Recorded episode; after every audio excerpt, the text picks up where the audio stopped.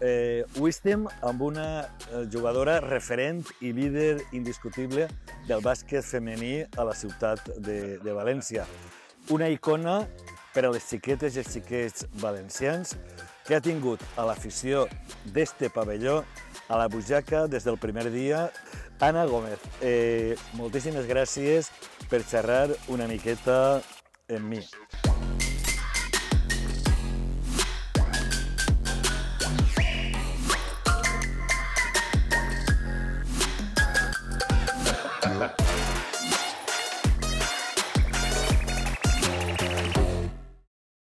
Es confon esport amb futbol masculí? Sí, l'esport, quan diguem esport, sempre és futbol, no? I més així en Espanya. Tu vas començar jugant al Godella, eh, una pedrera de, de, de gent que aficionada al bàsquet, vas passar per l'Universitari de Barcelona i molts altres equips. I vas tornar quan es va consolidar així el projecte del València Bàsquet com a equip femení. Consideres que gran part de l'èxit de l'equip va ser justament apostar per recuperar totes aquelles jugadores valencianes com tu o Maria Pina que estaven en altres clubs? Sí, totalment. Crec que, que vindre sí, per a mi va ser un honor, no?, de, de dir, ostres, després de que, bueno, de recórrer tota, tota Espanya i, i també en Europa, tornar a casa, pensava que quin somni no se podia fer realitat. Estic molt agraïda al València Bàsquet per donar-me aquesta oportunitat i, i m'escriven a, a valencianes que, me n'havien referents valencianes. Diuen que ningú és profeta a casa seua, però pareix que tu has tingut una excel·lent relació amb aquesta afició tan eh, entusiasta que tenim així a la Fonteta. Eh, com vas portar aquest èxit? La veritat que vingué, bueno, no m'ho esperava. Eh, sí que és veritat que el primer any pues, pues, eh, l'equip no, eh, reacciona molt bé, estaven complint molts objectius i, i la Fonteta i l'afició se, volca, se volca molt. Però no sé, ha sigut molt, molt especial. Jo sempre dic que, que unes jugadores van i venen, però, però el que fa important el club so, és l'afició i l'afició valenciana, la família taronja, això per a mi sempre ha estat eh, un, una cosa molt especial i tenim molt bona relació. La veritat és que quan jo he estat, he vingut així a veure algun partit, eh, fa goig, fa goig estar en este, en este pavelló que a vegades es converteix en una bombonera animant eh, l'equip. Eh, T'he escoltat dir que durant l'última temporada vas tindre un canvi de paper en l'equip i que això et va portar a alçar la mà i demanar ajuda. És complicat el procés? Molt, o sigui, molt, perquè bueno, pues venia en una, en una dinàmica molt ascendent, molt de, de jugar molts minuts, o sigui, molt important per a, per a l'equip i l'últim any va canviar i, i, i més me'l me, me vas trobar, no? I el vas dir a la mare, que, que estava en una situació, la, la família veia que jo estava patint un poc, tal, i, i vas demanar, pues, que, el que has dit tu, no? alçar la mà i dir, necessito ajuda, i vas demanar pues, una, una psicòloga. Eh, els pares sempre patim per, per les nostres filles. Eh, encara es continua, creus, creus tu que encara es continua pensant que demanar ajuda psicològica és una mostra de debilitat? Creus que això ha de canviar? Sí, Sí, totalment. Crec que, que ha de canviar perquè, perquè estem mirant que la gent l'ajuda, no? I jo, pues, que sóc referent, que dona més visibilitat, sempre ho dic, que, que jo en un moment crític eh, de l'esport o de la meva vida, pues, pues vas demanar ajuda a una psicòloga i, i m'ha ajudat molt. Crec que és el millor que he fet perquè, perquè en una situació complicada jo volia treure algo positiu, però no sabia com. I la, i la psicòloga pues, pues va trobar el camí de, de que jo això i crec que l'any passat anar a la psicòloga per a mi va ser una temporada molt bonica, molt especial i que vaig créixer molt a nivell personal. Si em permets, i mirant-te, et dic gràcies. Gràcies perquè eh, s'ha de visibilitzar, vull dir, eh, demanar ajut no és cap mostra de debilitat, mm, al contrari, és una mostra de fortalesa, una mostra de que volem estar ahí. La salut mental i, I crec que això està posant-se, diríem ara, en l'agenda dels polítics com, com jo, no pot dependre dels diners que tinga una persona. Eh, creus que l'estat anímic d'una persona afecta el seu rendiment esportiu? Sí, totalment. I crec que des del principi en, en els clubs i clubs esportius des de molt xicotets se hauria de, de, de tindre este suport de, de psicòloga, psicòleg, perquè molts xiquets i xiquetes potser no evolucionen o no, o no milloren per la seva frustració. I jo crec que eh, en la vida eh, eh, la gent té que, té que conviure la frustració perquè, perquè la vida és així, no? No, no, no sempre t'eix com tu vols. I jo crec que, que controlar la frustració és molt important per a aquest creixement personal. Jo que he sigut mestre d'educació física, eh, crec que mm, sempre és molt més complicat ensenyar a les xiquetes i als xiquets a, a encaixar que en la vida es guanya i es perd, sobretot que es perden i, i, i a encaixar, i a encaixar això. Eh, fa uns mesos vaig rebre l'alta distinció de la Generalitat. Jo estava allí el dia que te la donaren. Enhorabona, eh, per cert, eh, i aquest dia, o, o poc, poc després, es vas retirar. Eh, per què ho vas fer? Per, bueno, per a mi va ser tot un honor rebre l'alta la, distinció per a una valenciana que, que torna a la seva terra i damunt li fan aquest nombrament, per a mi va ser molt especial. Mira, pues jo portava eh, molt de temps pensant-me, no? rumiant el, el retirar-me, quan, quin és la millor, eh, el millor moment o quin no. Ja portava un any darrere. I ja abans de, de firmar l'últim contracte en València Bàsquet li dir a la mare, disfruta molt perquè crec que va ser l'últim. I ella, com? No, no, no, no, això no és possible. I dic, sí, sí, crec que, crec que va ser l'últim. Pues és tot igual eh, quan veus que no disfrutes, no disfrutes no, eh, el temps que jo passava fora de, de la canxa, jo no pensava en bàsquet, jo no, no anava al gimnàs per a, per a dir necessite més, no sé, necessite millorar en això o en això. Veia que me motivava més altres coses. Aleshores era com, crec que està passant el bàsquet uh, com a una forma secundària en la meva vida. I tampoc volia eh, anar-me'n de, la, de la pista dient eh, com és tan trista, m'entens? Com, com que m'avorrís i tot això. Eh, sempre he pensat que, que és millor pues, acabar dient, bueno, jo he intentat donar el meu 100%, ho he fet del millor possible i, i ja està, i així vos dic. Capitana!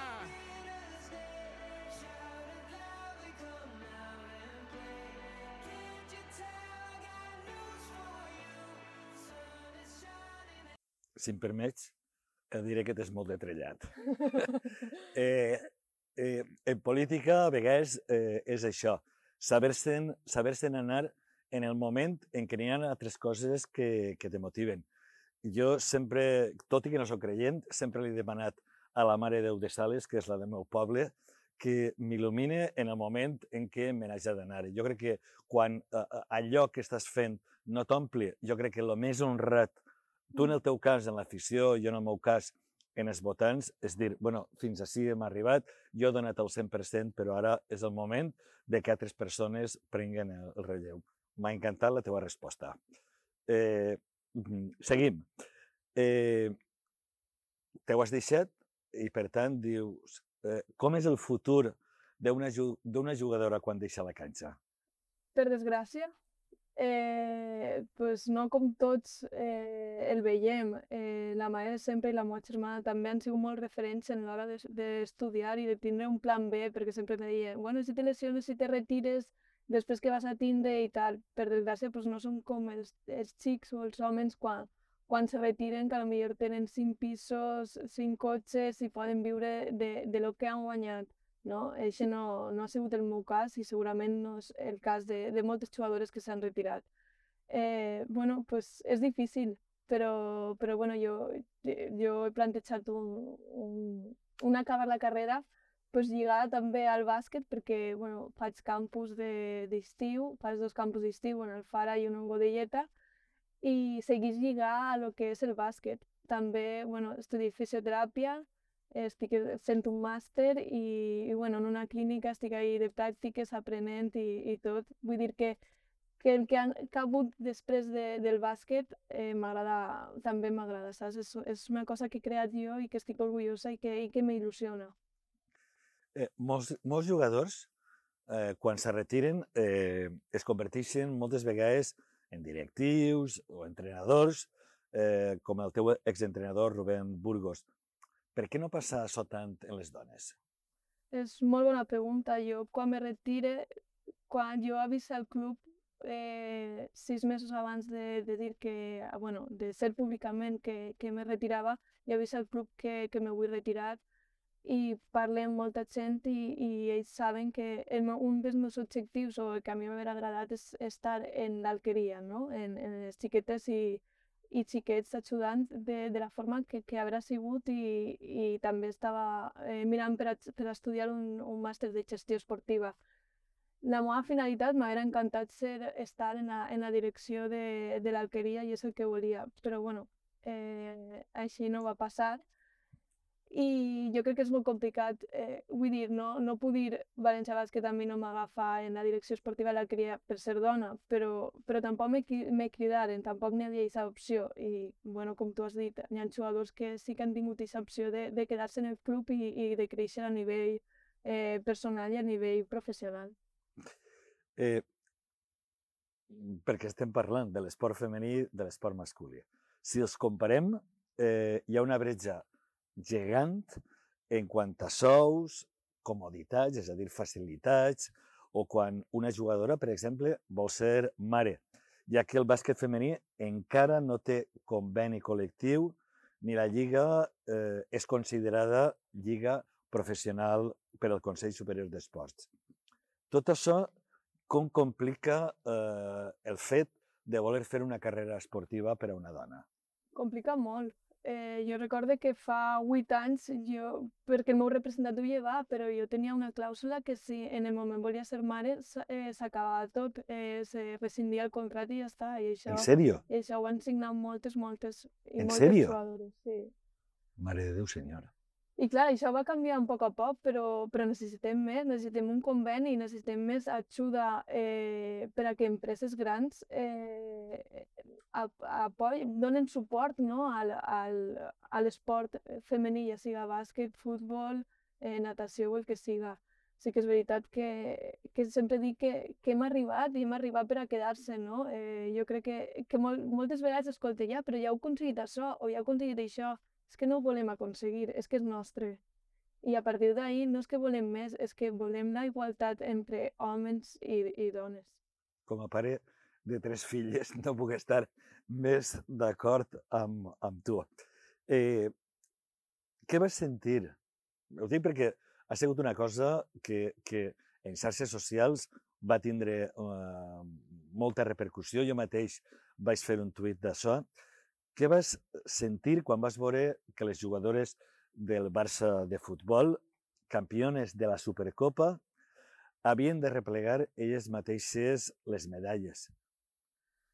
Bé, eh, pues, moltes vegades pareix que, que la igualtat sigui una moda, no? I se pensem la medalleta de, de mo moltes, molta gent, moltes empreses, molts clubs, dient, no, és que mira el que hem aconseguit, no? Eh, jo crec que, que això va ser fatal per a, per a la imatge de, de l'esport femení, crec que n'hi ha que cuidar un poc més, i el que t'he dit abans, necessitem dones a càrrec de, de l'esport, ja siga masculí o femení, per a intentar canviar, canviar les coses. Estic segura que si una dona estiguera dirigint la federació de, de futbol, aquestes coses no, no passarien. Jo també. jo també ho pense.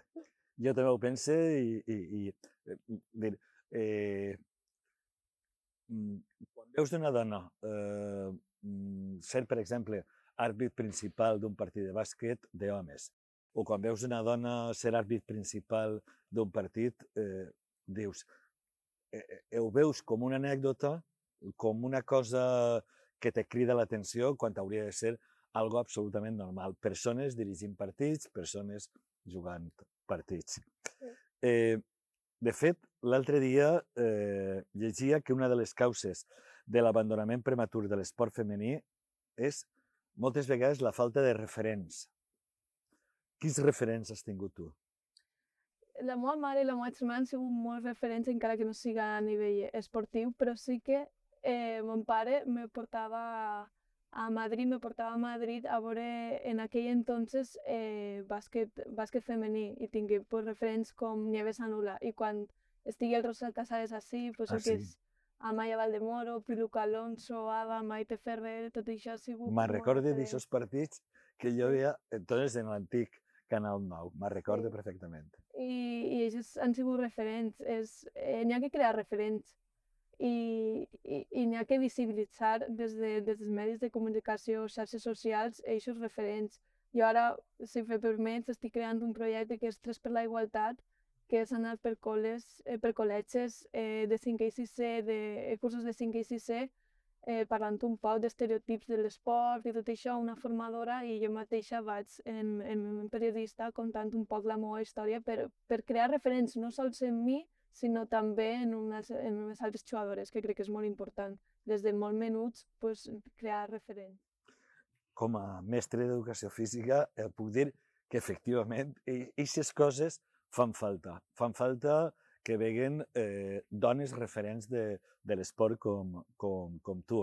I, I el desitge tota mena de, d'encerts en, en, en, en, eixa, en eixa tasca que per a mi és fonamental. Gràcies.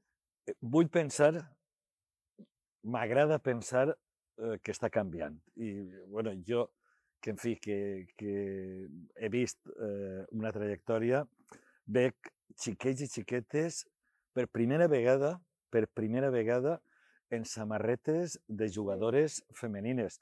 Això, eh, quan jo era un xiquet, eh, era absolutament eh, impensable. Alba Torrents, eh, Queralt Casas, tu mateix, Ana Gómez. Eh, com creus que s'ha anat aconseguint aquest canvi? Pues visibilitzant el, eh, la en, en este cas, eh, jo me recordo un partit que acaba el partit, agafa la meva sudadera i me ve una xiqueta, jo portava abans el moño rapat, me ve una xiqueta i me fa me he cortado el pelo como tú. A él se la mira i dic, ostres, se l'ha rapat. I clar, me, me, me xocar, però al mateix temps eh, amb molt d'orgull i, i, i molt satis, satisfeta no? de, de, de crear referents, de, de crear samarretes, de que de la gent te seguisca. Jo crec que que una dona esportista, una dona sempre és un bon referent per a aquesta societat.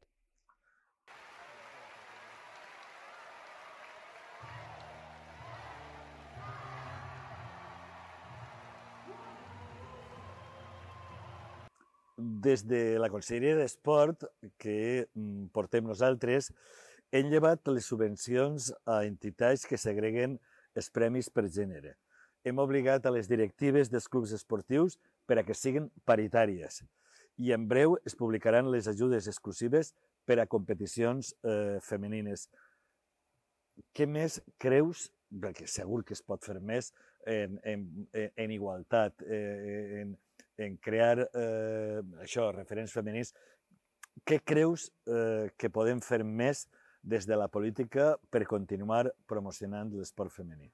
ja ho feu, vull dir, vosaltres sou el primer pas per a, per a que tot això funcione, no? I, i l'alqueria, l'esport, l'esport femení, estem veient que cada vegada cresquent i, i és molt important. Jo crec que, que bueno, deixa part seguint i segur que n'hi ha mol, molts objectius i moltes coses per fer. I, i de l'altra part, pues, els mateixos clubs creure's un poc en, en l'esport femení, que pareix que molts es tenen ahí pero bueno, yo lo tengo ahí y, y, juegan, ¿no? No, no es això, no solamente això, és, és, és el motivar, és el creure't, és el, és el voler que, que n'hi hagi esport, esport femení. És apostar per l'esport sí, femení també.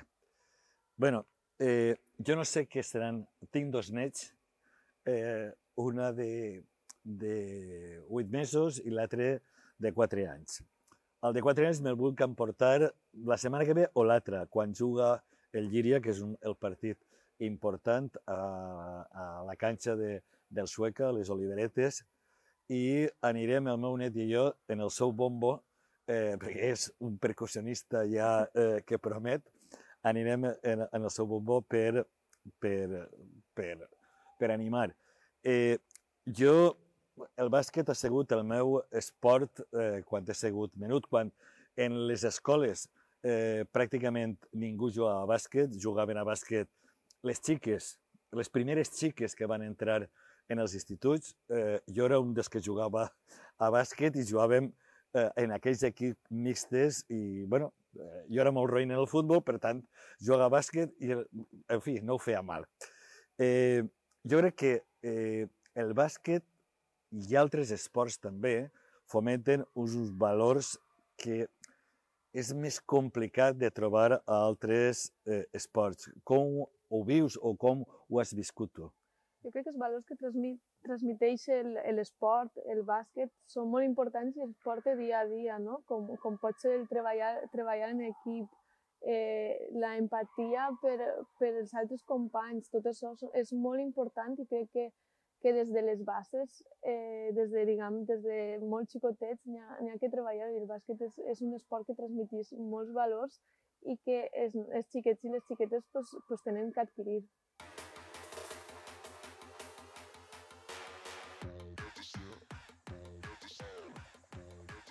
Eh, què li diries en confiança a una xiqueta que vol fer carrera en el bàsquet? Que disfrute, que disfrute de, de, del seu somni, no? I que treballi i doni el 100%. Eh, no vol dir que, que vaig arribar, però si tu eh, treballes, dones el 100%, és que estàs orgullosa del teu treball i sobretot que disfrutes de l'esport que al fi i al cap és un esport.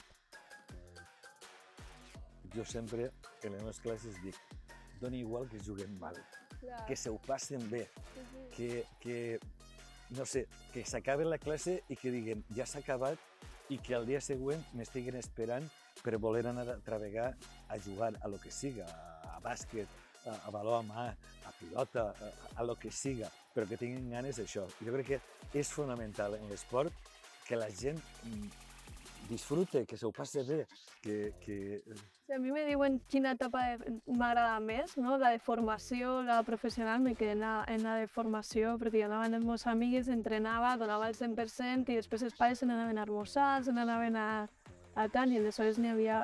Bueno, érem una família i això, conviure. Ja arribes a professional o no, perquè jo tinc moltes, moltes companyes que no han arribat a professional i diuen, però és que jo ho disfrutava igual que tu o més, Anna, i jo, mira, pues, Clar que sí. Clar que sí. I què li diries a aquests mitjans de comunicació que encara avui, al segle XXI, titulen eh, La novia de ha ganado tal o alguna cosa tan chabacana, tan barroera com los mejores culos del Mundial Femenino. A mi, a, un, a una xarra que va donar la càtedra d'Esport i Dona, sí, en la Universitat de València, i vingué una Susana, eh, era periodista, i vingué un poc a comentar-nos el, pues, tot, tot aquest eh, periodisme no, de sexisme, machisme que, que n'hi ha al voltant de, de l'esport esport femení. A mi me dona molta tristesa i, i pense que, que la societat no som així i, i, i estem donant passos endavant, no? I és molt trist eh, que n'hi hagi eh, titulars com, com el que m'has dit. Eh, jo crec que és hora de canviar, és hora d'avançar, això queda en la, en la, en la edat mèdia i ja, i ja estem en una altra etapa. afortunadament avancem. I per últim, què li diries, en confiança, a, a aquests energúmens que diuen ni baloncesto ni femenino? que vinguen a un partit. Sempre dic el mateix i sempre me diuen es que el baloncesto femenino pues, o, el, o el deporte femenino no da dinero. No da dinero? Per què? Perquè no tenim els mitjans de comunicació, no eixim en tele com, com ixen eh, molts esports. Bueno, donem-nos visibilitat, no? I cada dia anem creixent i, i no da dinero, però cada dia anem creixent més i la gent ens coneix més. Aleshores, és això, és donar referents, visibilitat i donar suport a, a l'esport femení. Eh, moltíssimes gràcies. Anna, eres un referent com a jugadora i un referent com a persona. Ha estat un plaer entrevistar-te. Gràcies, gràcies a tu i gràcies per, per tot el que feu per esta societat.